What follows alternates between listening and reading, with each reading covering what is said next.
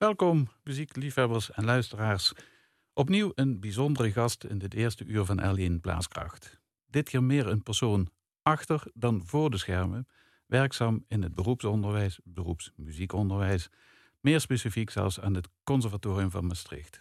Ik heb het over Rick Bastiaans. Veel studenten, en zeker ook de allerjongste van de jong talentenklas, weten wat het is om van Rick les te krijgen. Zijn theorielessen zijn, waren intens en gaan behoorlijk diep. De lat bij Rick ligt altijd heel hoog, zo gezegd. Hoe belangrijk is theorie in een vakgebied waarin toch meestal de aandacht uitgaat naar de muzikale prestaties? Wat is het wat theorie bijdraagt aan een muzikus en aan die muzikale prestatie? Dat zijn dingen die ik dit uur allemaal ga vragen aan onze gast Rick Bastiaans. Wat ook interessant is, is natuurlijk de vraag welke muziek hij voor vanavond heeft aangedragen. Zitten er verrassingen tussen? Nou, hem kennende weet ik dat dat zeker het geval is. Rick, welkom. Dankjewel. Heel eventjes aan het begin. Uh, je zei van de week dat het niet was meegevallen om de juiste muziekfragmenten te selecteren. Waarom is dat toch zo? Je bent overigens niet de eerste die dat zegt. Ja, omdat er zo ongelooflijk veel mooie muziek is. En uh, ja, dan moet je toch gaan kiezen. Ja. En ik dacht, ja, probeer. Ik, ik heb fragmenten proberen te zoeken waar ik iets over kan vertellen, over mezelf, over ja. hoe ik in de muziekwereld sta. Mooi. Een beetje geschiedenis uh, van mezelf, de muziek ja, en variëteit. We laten ons verrassen, fijn. Een onderwijsman dus. Ja. Zo, zo, belangrijk in de opleiding. Maar inmiddels is Rick ook samen met Mette Laus teamleider afdeling klassiek aan het conservatorium. Wat dat allemaal inhoudt gaan we horen en ontdekken in dit programma. En we krijgen gegarandeerd een totaalbeeld van een muzikus wiens dochter trouwens ook op een bijzondere wijze van zich laat horen. Maar dat is allemaal voor later. Rick, eerste fragment is van een componist die de meeste van de mensen thuis waarschijnlijk niet zullen kennen. Serge Lancin heet hij.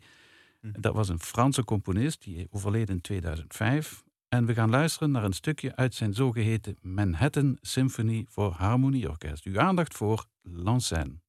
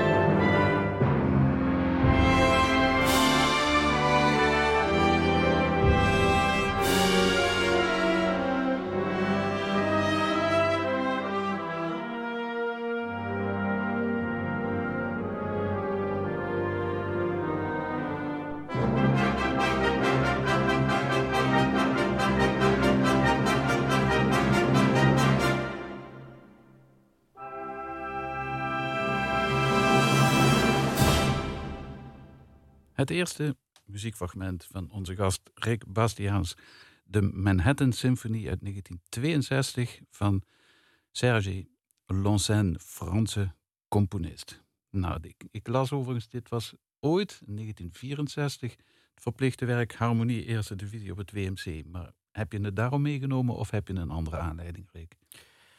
Nou, mijn aanleiding is eigenlijk een beetje anders, omdat uh, dit is een werk dat gespeeld werd door de fanfare kunstveredeld. Dan vraag je al af, wat gaat een fanfare een harmoniewerk spelen? Maar, maar we, we, probeerden toen een transitie te maken van fanfare naar harmonie. En ik zat daar als hele jonge gamin met de bugel en ik mocht nog niet meespelen tijdens de repetities. Waar, waar, waar, waar zetelt die, die fanfare? In, in Vroenhoven, waar ik vandaan kom. Ja, oké. En uh, dus ik zat op de repetities en een kennis van ons, eh, William Moermans, ook een dirigent geweest, uh, lang inspirator voor mij, die, had, die kwam op een dag aan, hey, hier heb je de directiepartij. Zo'n zo'n pocket score. En ik zat vervolgens in al die repetities als jongetje van 11 of 12 met die directiepartituur voor mijn neus mhm. mee te lezen, terwijl dat de rest aan het spelen was. En ik denk dat daar toen wel iets is ontstaan om anders met muziek bezig te zijn dan alleen maar het instrument aan de mond te pakken en dan te spelen. Mhm.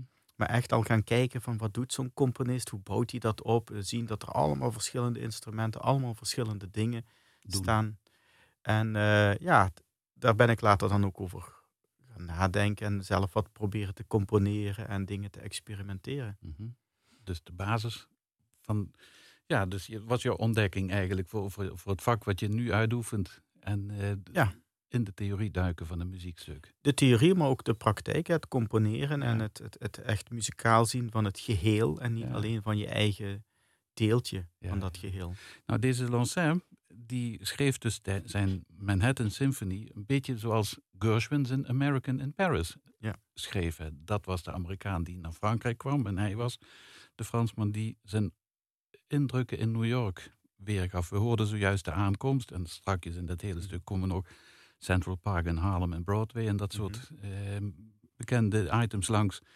Ehm, dit stuk spreekt jou ook gewoon aan als muziekstuk, neem ik ja, aan. Zeker. Ja. En ja, dat is fijn om te horen. Rick, je hebt het over theorie. Mhm. De theorie van klassieke muziek. En je doseert het aan het conservatorium. Zoals ik in het begin al zei. En dat dwingt mij natuurlijk in de richting van de vraag: hoe belangrijk is muziektheorie?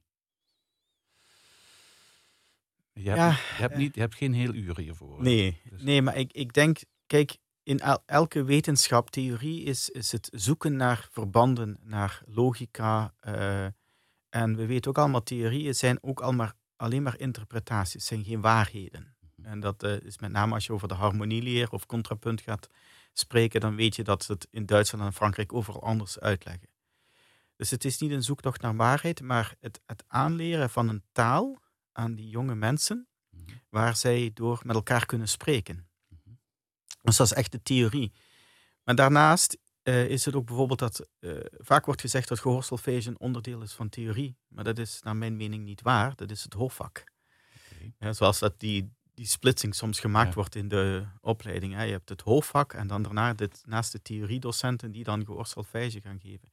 Maar ja, de goede oren en goed lezen is, het, is de basis van een muzikus. Net zoals iemand die literatuur of recht gaat studeren, uh, de taal moet begrijpen. Ja, alle tekens en letters en woorden en, verbanden en, zo. Ja, die, die moet geen vier, vier dagen in een boek zitten te, te knoeteren om iets te vinden. Die moet gewoon goed kunnen lezen. Mhm.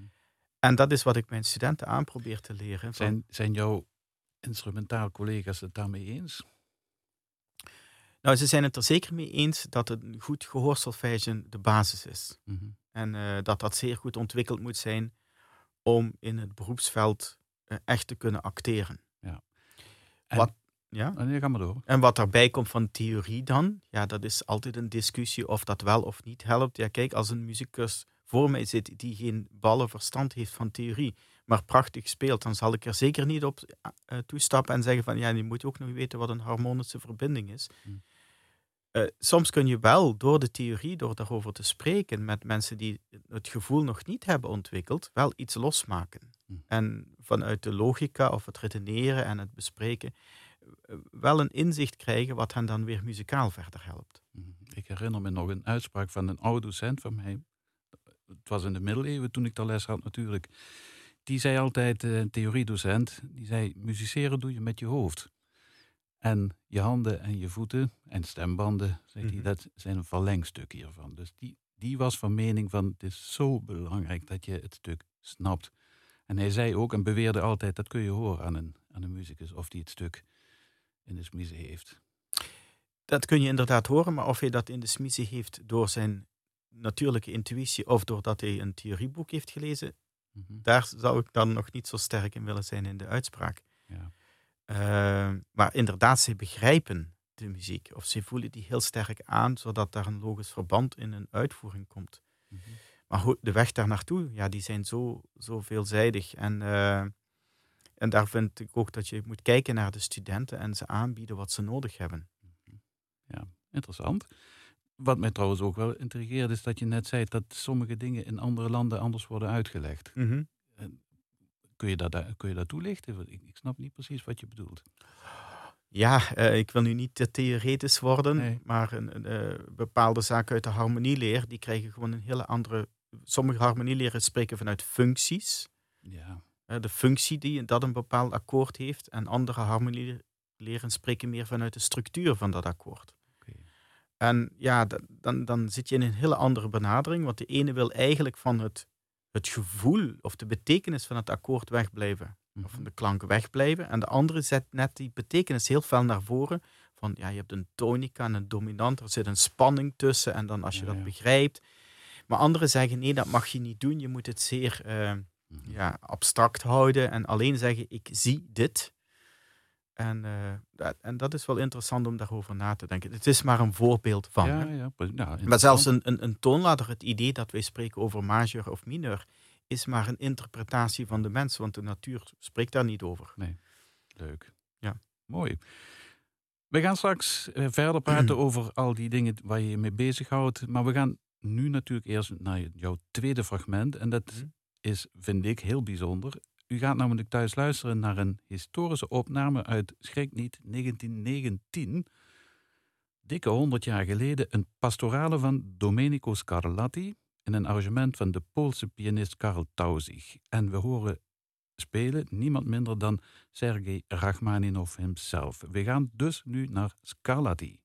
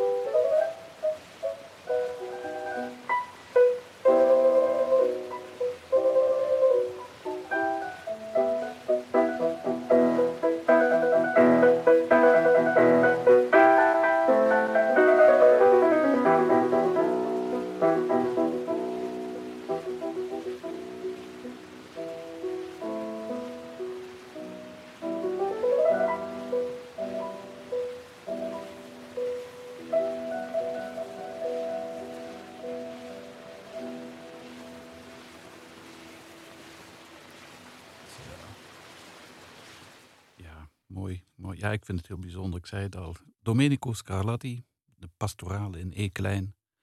Opname uit 1919.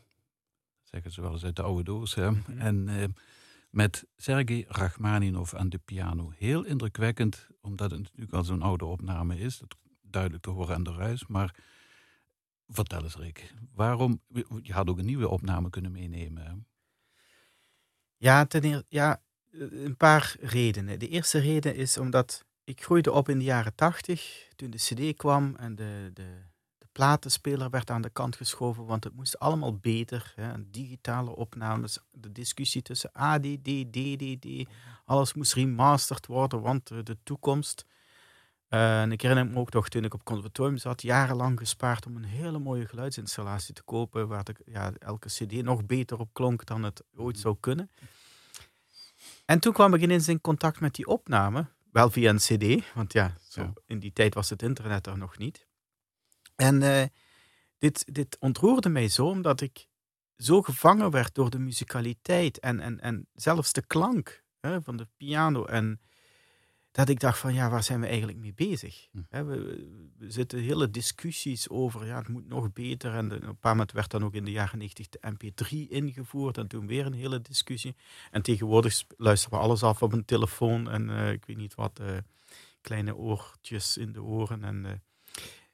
Maar deze, deze opname laat voor mij echt horen wat muziek is. Want je hebt dan Rachmaninov, hè, een van de grootste pianisten en ook pianocomponisten uit de geschiedenis. Als je zijn concerti hoort en zijn preludes en etudes, is het allemaal mhm. heel groot en, en uh, ja, uh, dramatisch. En, en, dan speelt hij dit kleine pastoraaltje uh, op een instrument waar het waarschijnlijk niet voor geschreven was maar met zo'n vrijheid. En elke noot, uh, de, de, melodieën die hij speelt, die, die zijn dan zo gedragen. En dan de, de, de vogeltjes die er tussendoor mhm. gaan. Ook geen remming van uh, dwang om in stijl te spelen. Gewoon maar genieten van de muziek. Ja. En dan... Dus je zegt eigenlijk, dan doet de kwaliteit van de opname weergave er niet toe als iemand het zo fantastisch kan spelen. Ja, en ook natuurlijk als historisch document, hè, dat we ze niet aan de kant gooien, want ze waren niet goed genoeg opgenomen of ze mm. waren niet in stijl. Dus we, we mogen er niet meer naar luisteren. En dan gewoon zo zitten. En ja, dit waren voor die tijd ook experimenten. Hè? Ja. En dat hij dan koos voor die uh, pastorale van Scarlatti in plaats van zijn eigen werk, ja, dat vind ik ook heel bijzonder. Het is wel heel bijzonder ook eigenlijk dat, dat Scarlatti hij is notabene in hetzelfde jaar geboren als Bach en mm. Handel. Hè? Ja, dit soort gevoeligheid op de toetsen legt. Want is dit stuk, weet jij dat, ja, ik heb het niet kunnen achterhalen, maar is dit nu ooit voor klavecimbal of voor, voor, uh, of, of voor de eerste piano geschreven? Hij heeft Christofori ontmoet, dat weet ik, las ik. Ja, ik zou het niet durven zeggen voor dit stuk in het specif specifiek. Ja. Uh, ja, dat is, moeilijk in de historie, hè, voor wat iets geschreven was. Eh, vaak werd de muziek voor het toetseninstrument gespeeld, geschreven. Dus ja, je zou het zelfs nog zo ver kunnen uh, draaien dat je het op een orgel speelt. Mhm. Ik weet niet of het dan zo frivol zou klinken, mhm. maar uh, ja, het zou kunnen. Ik kan me overigens voorstellen dat dit stuk op een klavecimbal minstens zo mooi is als op een piano. Terwijl mijn romantisch hartje eigenlijk zegt dat ik wel blij ben dat het op een piano wordt mhm. gespeeld. Ja, zou zeker kunnen. Ja. En, uh... Zeg, en die Scarlatti, um, ik geloof dat hij iets van 500, 600 sonates heeft mm. geschreven. Wel, de meeste overigens eendelig. Ja. Um, als we hem nou eens, ik zei al, hij zit in hetzelfde geboortejaar als die andere grootheden. Maar als je hem nu eens naast de heilige Bach zou plaatsen, verdient hij dan niet een wat meer aandacht? Ja, zeker omdat uh, we bekijken die baroktijd ook heel sterk vanuit Bach. Hè, wat natuurlijk geen dag zonder Bach, mhm. zeggen sommige mensen. Uh, maar ja, de wereld was veel groter dan Leipzig mhm. en uh. En, en, en ik meende dat Scarlatti in, in eh, Madrid zat, ja. aan het Hof. En dat wordt soms vergeten wat voor een prachtige muziek ook in die andere landen werd gecomponeerd. Mhm. En die zeker voor die mensen destijds evenveel betekend zal hebben. Ja. En hun eigen dagelijkse kost was. Ge en ja, het is, het is heel fijn om, om, om die muziek te leren kennen. En dan in het onderwijs, ja, dan is het altijd moeilijk, want je moet door de kanon heen mhm. van alles wat moet gestudeerd worden. En dan is het fijn als er ook nog tijd is voor uh, zo kleine pareltjes eromheen. Ja, die kanon die, die mag je ook wel eens soms een keertje aantasten, vind ik. Hè. Dat zeker, ja. Ja, want die, nogmaals, die, die, die pianosonates van, van Scarlatti, ik vind ze prachtig. Mhm. En ik vind ze zelfs gevoeliger soms. Ja, het was een hele andere uh, ja, visie. Ja, visie is misschien een groot woord, maar een hele andere manier waar zij met muziek bezig waren. Andere insteken eigenlijk. Ja. Hij was ook veel internationaler dan Bach. Ik bedoel, mm. Bach bleef binnen zijn, zijn muurtjes, om het maar even zo te zeggen, binnen zijn land sowieso. Maar hij heeft volgens mij, uh, ik weet niet hoeveel landen aangedaan, Scarlatti. Net als Handel. Handel, ja. Ja, prachtig. Nou, we hebben het de hele tijd over Bach. Mhm. En dat betekent toch dat je een stukje hebt meegenomen van de grote Bach. En um, ja, dat is, dat is, een heel bijzonder stukje orgelmuziek. Um, welk precies, dat gaat u, uh, de details, beter gezegd, hoort u na afloop. Maar we gaan luisteren naar een, uh, een concert, een A-klein Bachs werk, wat zei ik niet, 593. Uh, met aan het orgel Rijtse Smits in de Lutherse kerk van Den Haag, Bach.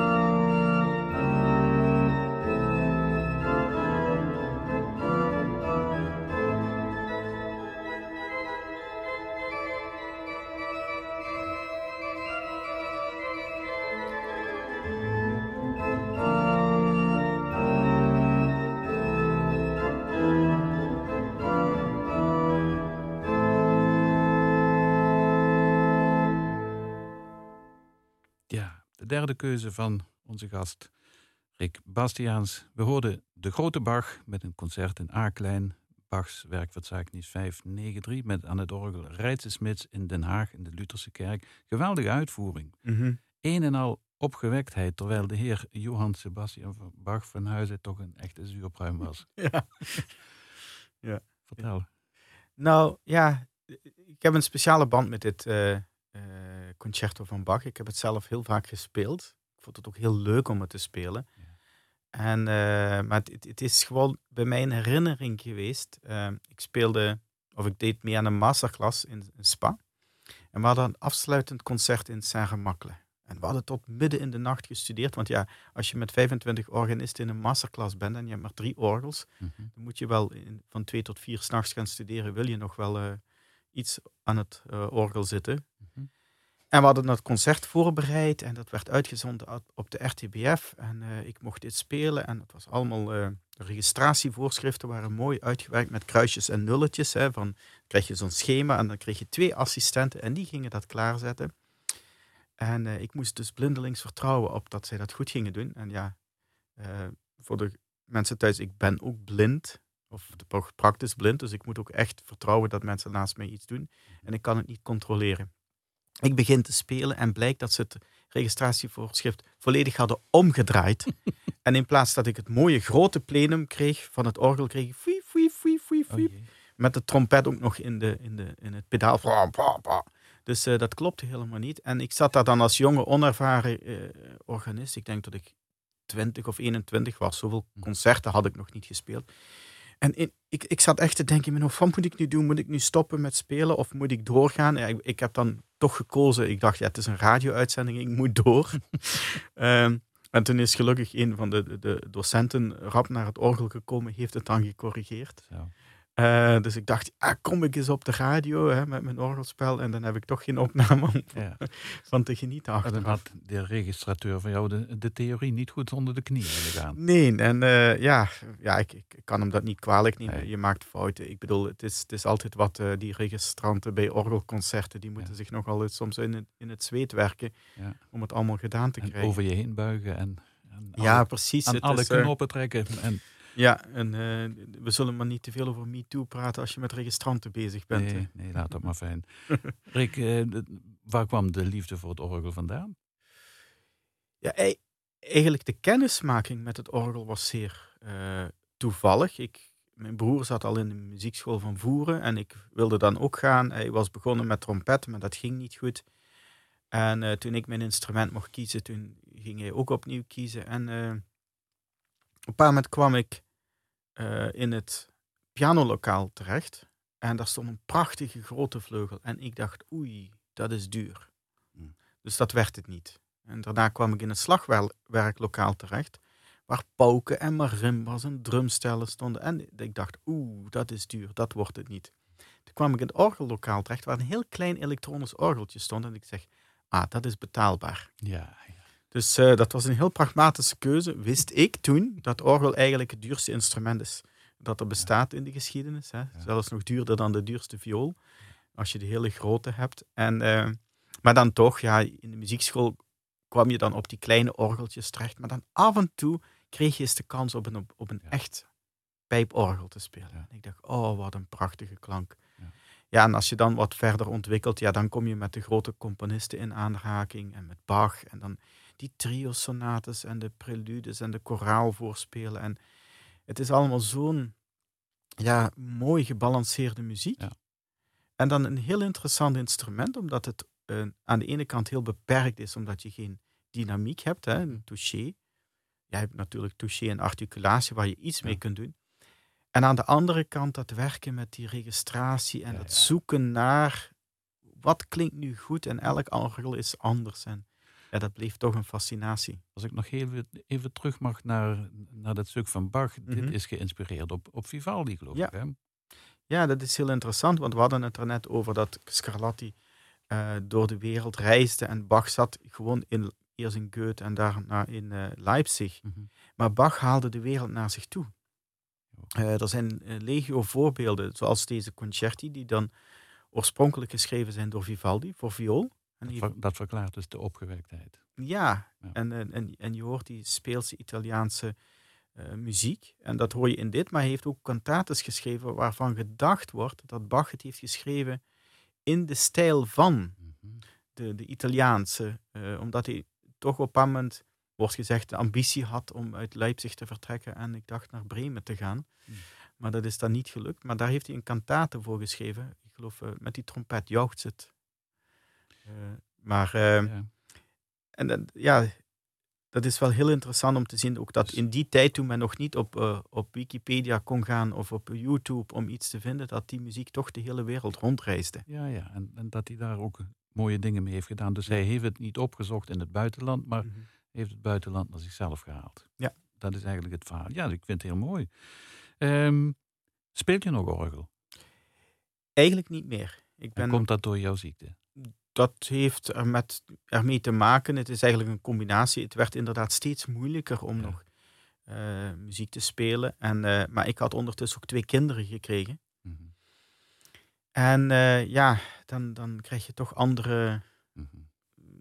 zaken in het leven waar je je mee wil bezighouden. En om dan zes dagen per week in het conservatorium te zitten en op zondag dan ook nog in de kerk ja, te zitten. Was, was een hele bewuste keuze. Ja. En nou ja, je, je bent van alle markten thuis. Mhm. Dat blijkt ook in alle fragmenten. Want zoals ze vroeger bij Monty Python zeiden. And now for something completely different. Mhm. ja, gaan wij nu luisteren naar een, muziekfragment wat u waarschijnlijk thuis niet had verwacht. Maar ik laat hem eerst horen. En dan gaan we het daarna over hebben. Maar dit is popmuziek uit de gouden jaren. Daar komt hij. Get on with your work. Repeat after me. An acre is the area of a rectangle whose length is one furlong and whose width is one cubit.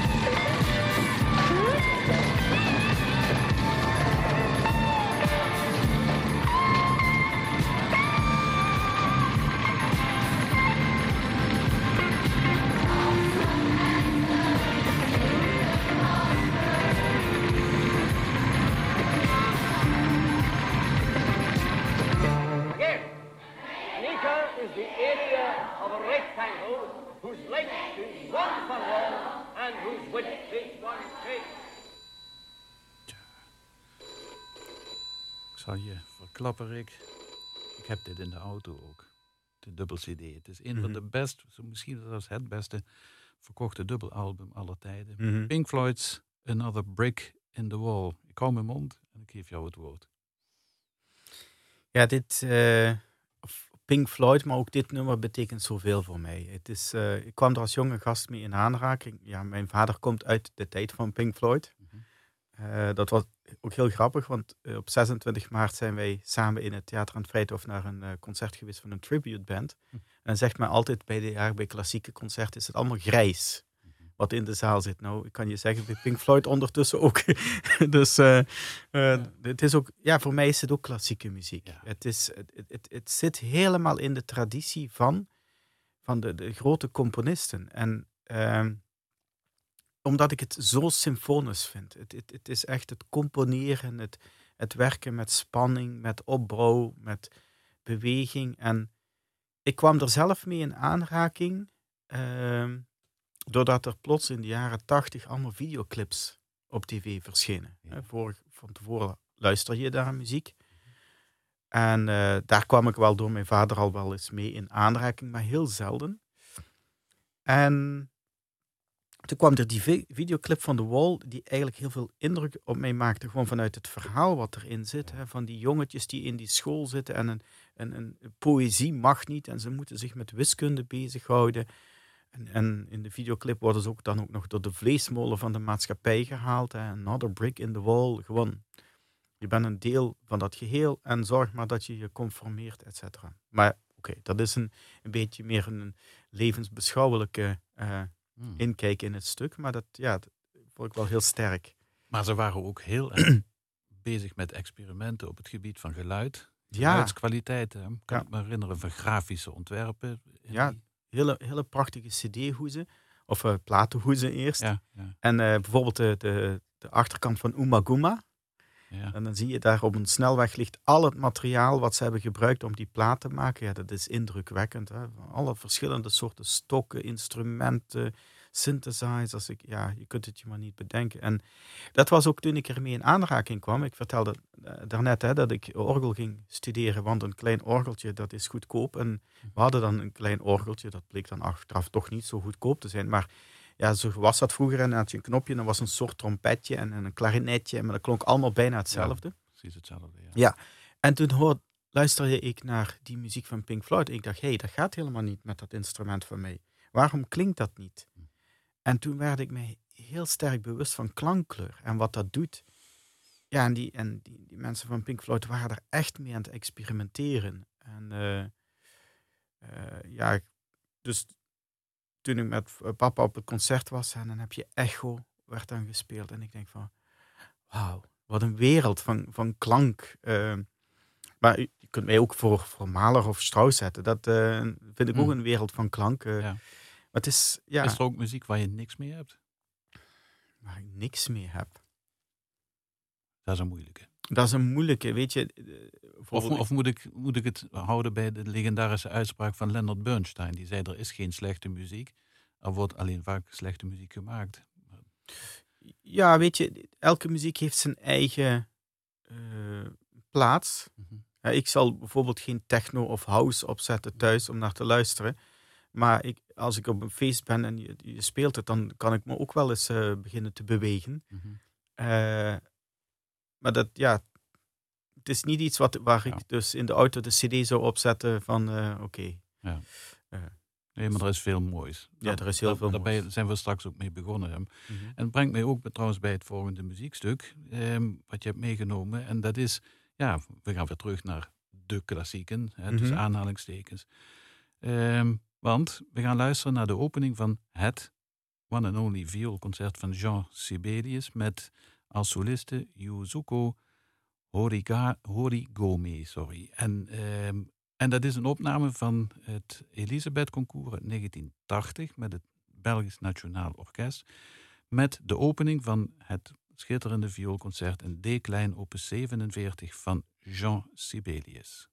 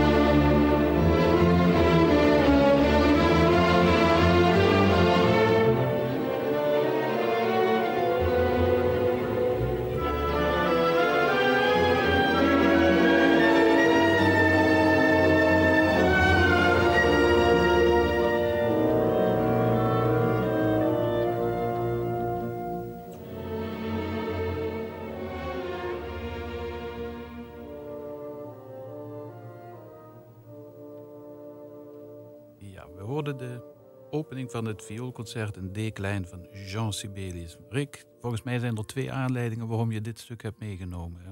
De solisten. Ja, zoveel. Ja, in, in eerste geval de soliste. Zij is een collega aan. het conservatorium van Maastricht, hè, Yuzuko Horigome. Een prachtige artiest. En ook als je haar bezig ziet met het, het strijkproject, wat ze bijna elk jaar doet, als je ziet wat ze uit die studenten trekt, hè, hoe ze hen stimuleert. En aan de ene kant heel streng, en, en, maar echt om hen verder te brengen.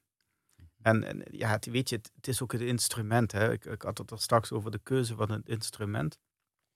Waarom ik op orgel was begonnen. Nu, toen ik aan de muziekschool ging studeren in Voeren, had men nog geen uh, strijkinstrumenten daar. In vioolklas. Het was echt blaasmuziek uh, georiënteerd. En tegelijkertijd vertelde men ons: Oh nee, alsjeblieft, laat je kind geen viool studeren, want dan heb je al dat gekrijs uh, thuis. van het is verschrikkelijk voordat je erdoor komt. Maar dat klopt niet, want uh, wij zijn, uh, mijn zoon en ik, Takumi en ik, zijn nu an, anderhalf jaar geleden of zoiets met viool begonnen. Wat leuk. En we hebben les van een andere collega van het conservatorium, Kyoko Yonemoto. En het is fantastisch. Het, het, het, het, het doet zoveel plezier en ja, we hebben natuurlijk een hele goede docent, hè, die ook heel streng is met ons. Mhm. En, uh, maar je, je hebt echt zo'n... Eh, de fysicaliteit. Ja, we, we, volgen samen les. Okay. Dus uh, daarom heb ik nu ook iets. Je, je, moet die kinderen niet wijsmaken dat het verschrikkelijk is om te beginnen. Mm -hmm. Je moet ze natuurlijk wel ook leren muziek leren. En Takumi speelt ook piano. Mm -hmm. Dus hij, hij, hij kan goed luisteren. Dus dat is al het voordeel. Ja, als je niet kunt luisteren, dan is viool misschien wel echt een, uh, een probleem.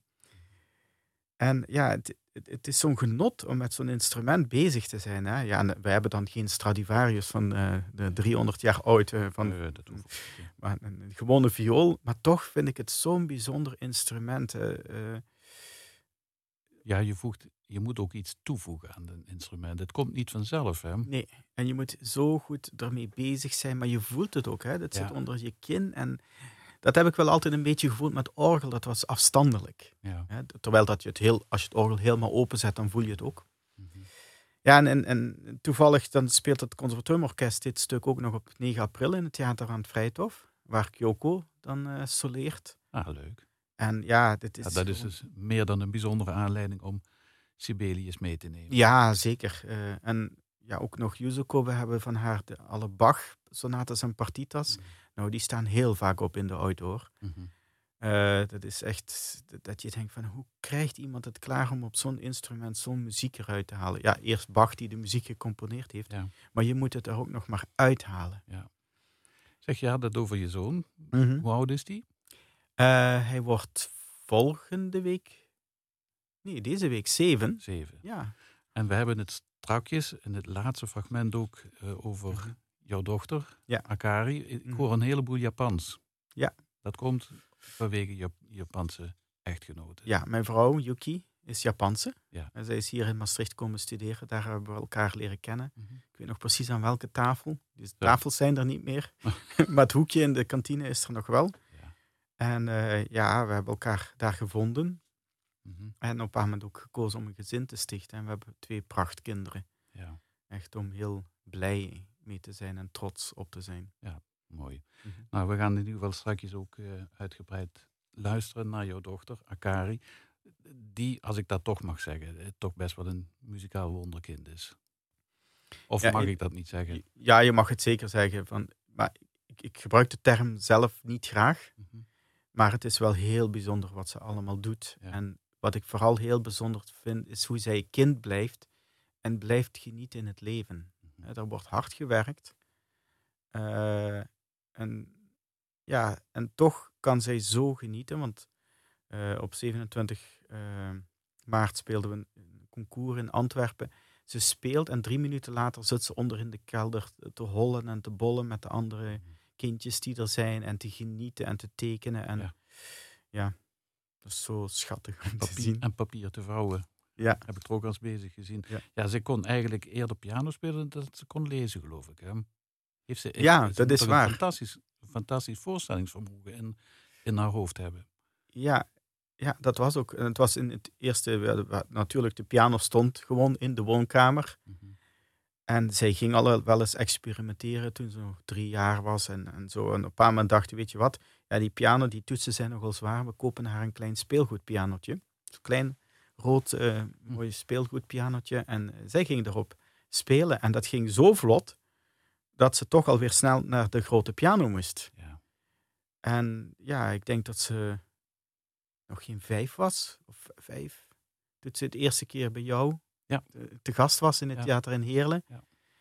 En, uh, ja, ik herinner me nog dat, ze, dat je vroeg, en Yuki, van, van zou je dat willen bij me naar Sporken, eventjes in zo'n lezingje mhm. spelen. En, en ja, en, en ik weet zelfs nog dat ik toen naar de plaatselijke boemis ben gegaan en heb ik speciaal voor haar een klein biedermeiertje laten mhm. samenstellen voor dat kind van, vijf, van vijf was het toen. En die speelde Mozart, ja, dus echt, je gelooft je oren niet. hè? Mhm.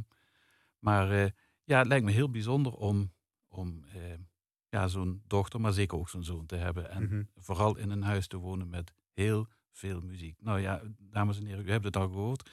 We gaan straks uh, afronden met een stukje uit de pianosonate van, of een pianosonate van Beethoven. Ik vertel u zo meteen de details daarover. Uh, maar ja, Rick, ik, ik, moet je eerlijk zeggen, ik, ik, vond het zeldzaam interessant wat ik allemaal gehoord heb met Lancen en Pink Floyd en Bach en Rachmaninoff, die Scarlatti speelt, Jean Sibelius, uh, zijn vioolconcert met een collega van jou, met een aankondiging voor een concert van het orkest van het conservatorium en dadelijk dus die Beethoven. Ik wil jou heel hartelijk bedanken voor de leuke verhalen.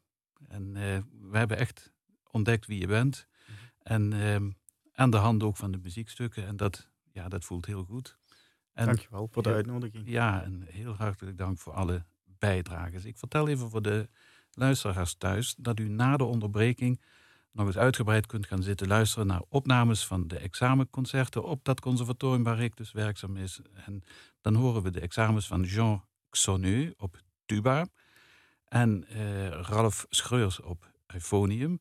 En alles bij elkaar zijn dat werken van Danielson, Von Williams, Madsen, Madsen, Alec Wilder, Frans Dancy en John Stevens. En dat met medewerking van een heleboel gerenommeerde muzici. Kortom, alle aanleiding om bij ons te blijven. Dit programma wordt dinsdagavond om 10 uur s'avonds nog eens herhaald. En vanaf nu kunt u ook terecht op l1.nl slash blaaskracht. Nogmaals, Rick, bedankt. We gaan eruit met de dochter van Rick Bastiaans. En met een heel recente opname waarbij ze het Steinway-concours in, in uh, België won.